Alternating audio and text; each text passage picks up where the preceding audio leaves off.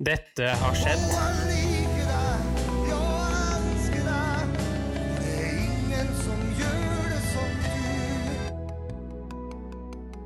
Generation X versus Z. Sandberg Productions presenterer Den ekte samtalen om og med generasjon X og Z. Hold deg fast og nyt. Hei, hei, kjære lytter, og hjertelig velkommen til eh, dagens episode av Generation X versus Z. Og i dag, eh, kjære kompanjong, Ja. vi skal til eh, verdens pornohovedstad, nemlig i Japan. Ok. Ja vel.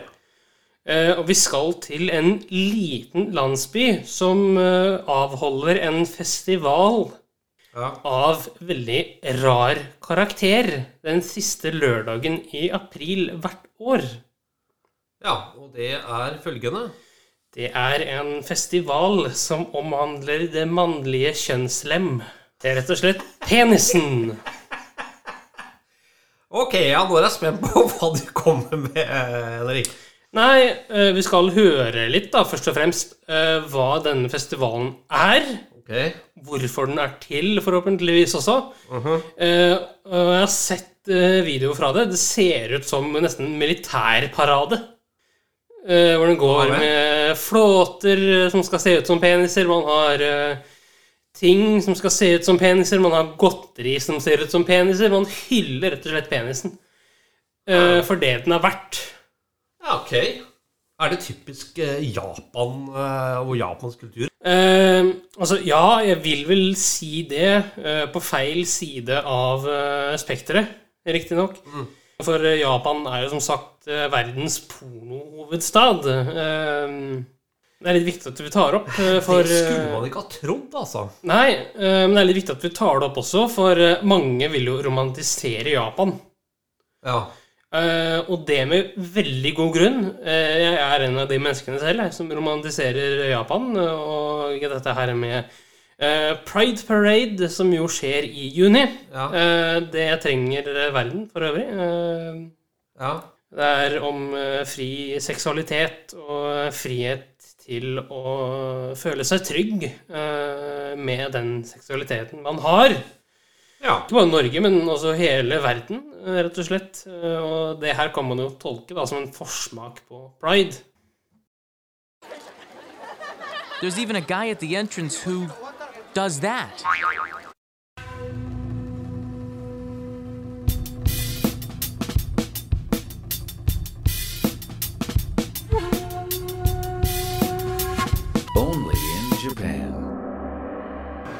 Now I'm in front of Kawasaki Daiichi Station, which is located between Tokyo and Yokohama in Kawasaki City, and the site of one of Japan's most peculiar festivals held on the first Sunday in April every year, known as the Festival of the Steel Phallus, also known as the Fertility Festival, aka the Yup, that's it. That's what I'm talking about. On the surface, this festival seems ridiculous. I mean, people having fun with, you know. There's even a guy at the entrance who does that. But the Kanamara Matsuri is more significant than what you just see. It's a Japanese religious event with deep roots. The festival starts with a blessing to the participants and the phallus mikoshi from a Kanayama shrine priest. The Kanamata festival can seem silly on the surface, but knowing its significance and history through social norms and culture is the key. But before we go into that, let's just look at the festival as you see from the street, taking place right now the Kanamata Matsuri of today. It's basically like any other Shinto festival except for the design of the omikoshi, or portable shrines that are carried along the route.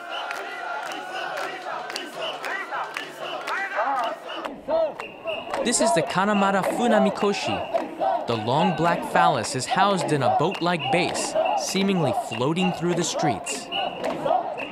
The festival is flooded with tourists and residents. The atmosphere of the festival is like being at a massive street party. Although one of the most famous Japanese festivals worldwide, you might be surprised to know that it is mostly unknown inside Japan, ignored by the local media. Get there early the festival really starts to get going around 10 a.m. The Mikoshi makes its way back to the main shrine, thus closing the event.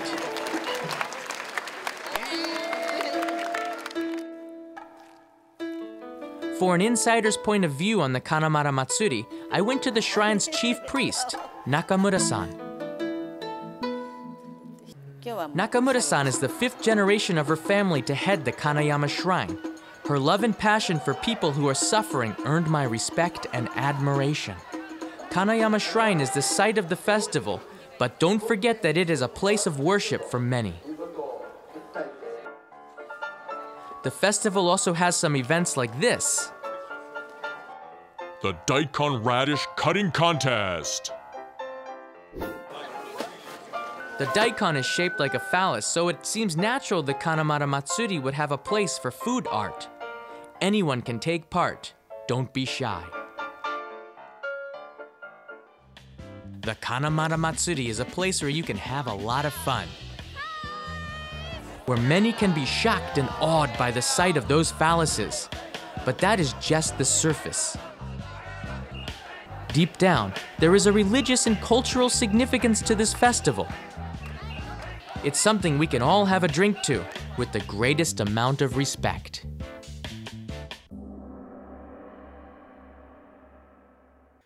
Ja, Ja eh, da. da Ja. Eh, Hva tenker vi? Hadde det fungert i Europa? Hva skal jeg si for noe? Da må det nok eh, vært en veldig sånn kunstnerisk stitt over det, vil jeg tro. Jeg skjønte ikke helt bakgrunnen for festivalen, men at det var en både en religiøs og en veldig gammel eh, tradisjon. Ja, og bakgrunnen er jo da likestilling. Det har jo mye av den samme symbolikken som Pride Parade. Ja. Dette her med fri seksualitet og uh, rett og slett kunne uh, føle seg trygg, da. Men var det det som var poenget med festivalen, sånn opprinnelig? Nei Jo, kanskje. Uh, Det Ja. kan man vel også få klarhet i hvis vi har lyttere som har vært på den festivalen her. Ja. Jeg som mann syns jo dette her er kjempeflott, at det fins. ja. Eh, og tanken på at det fins, gjør meg fornøyd.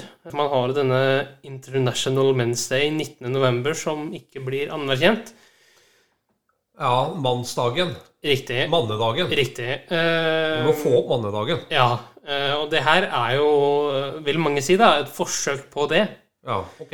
Uh, og meg inkludert.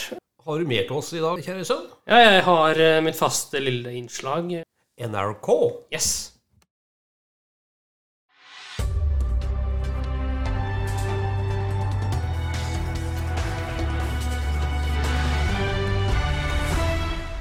NRK-hjørnet.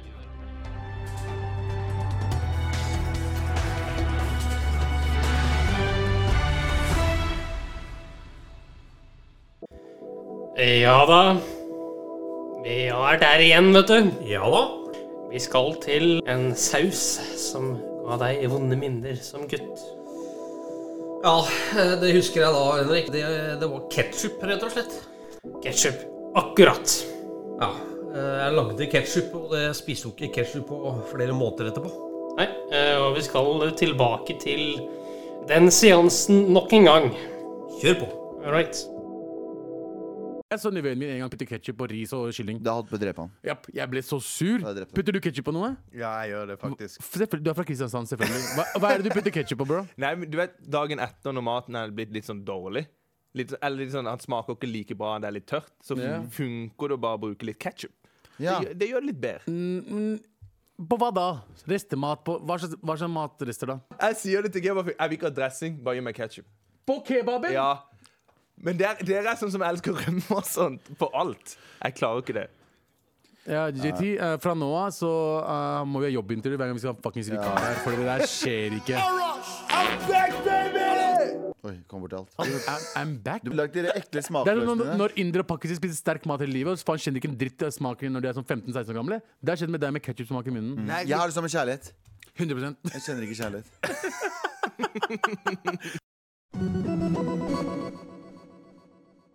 Ja, ja. hva tenker du nå? Nei, altså gutta er jo morsomme. Og så syns jeg faktisk du har hatt en fin vinkling på, på tematikken i dag, gutten min. Ja, og vi blir vel kanskje å komme tilbake til dette med Pride Parade i juni, blir vi ikke det, da? Ja, det kan tenkes, det. Eh, For det har jo vært tilfeller eh, der eh, homofile og lesbiske har fått eh, drapstrusler. Eh, Da vil jeg faktisk anbefale en annen podkast på tampen her. Eh, Oppdatert historien om Kim Friele Ja. fra NRK. Det ble en spesiell, men fin dag sammen i dag, gutten min. Jo, takk det samme. Og neste uke så skal du og jeg gå sammen til kommune. Det skal vi. Vi skal feire sykepleiens oppstandelse, på et vis. Eh, Og, moderne eh, sykepleiens oppstandelse. Ja. Og det kan hende vi får med oss eh, litt andre vinklinger eh, der. Ja, jeg tenker det. Og det er en spesiell person, er det ikke det, vi skal ta opp? Jo, det er eh, den moderne sykepleiens mor. Eh, Jeg skal ikke nevne noe navn, men jeg var veldig frista, kjente jeg. Eh, Så vent på det. Hvis eh, du er fan av den type ting, eller er helsepersonell Yes. På gjensyn, kjære sønn. På gjensyn, du. Tusen takk for at du fulgte oss. Gi gjerne tilbakemelding, likes eller kommentar på Facebook-siden vår Generation X versus Z. Velkommen igjen til neste podkastepisode. Hei då!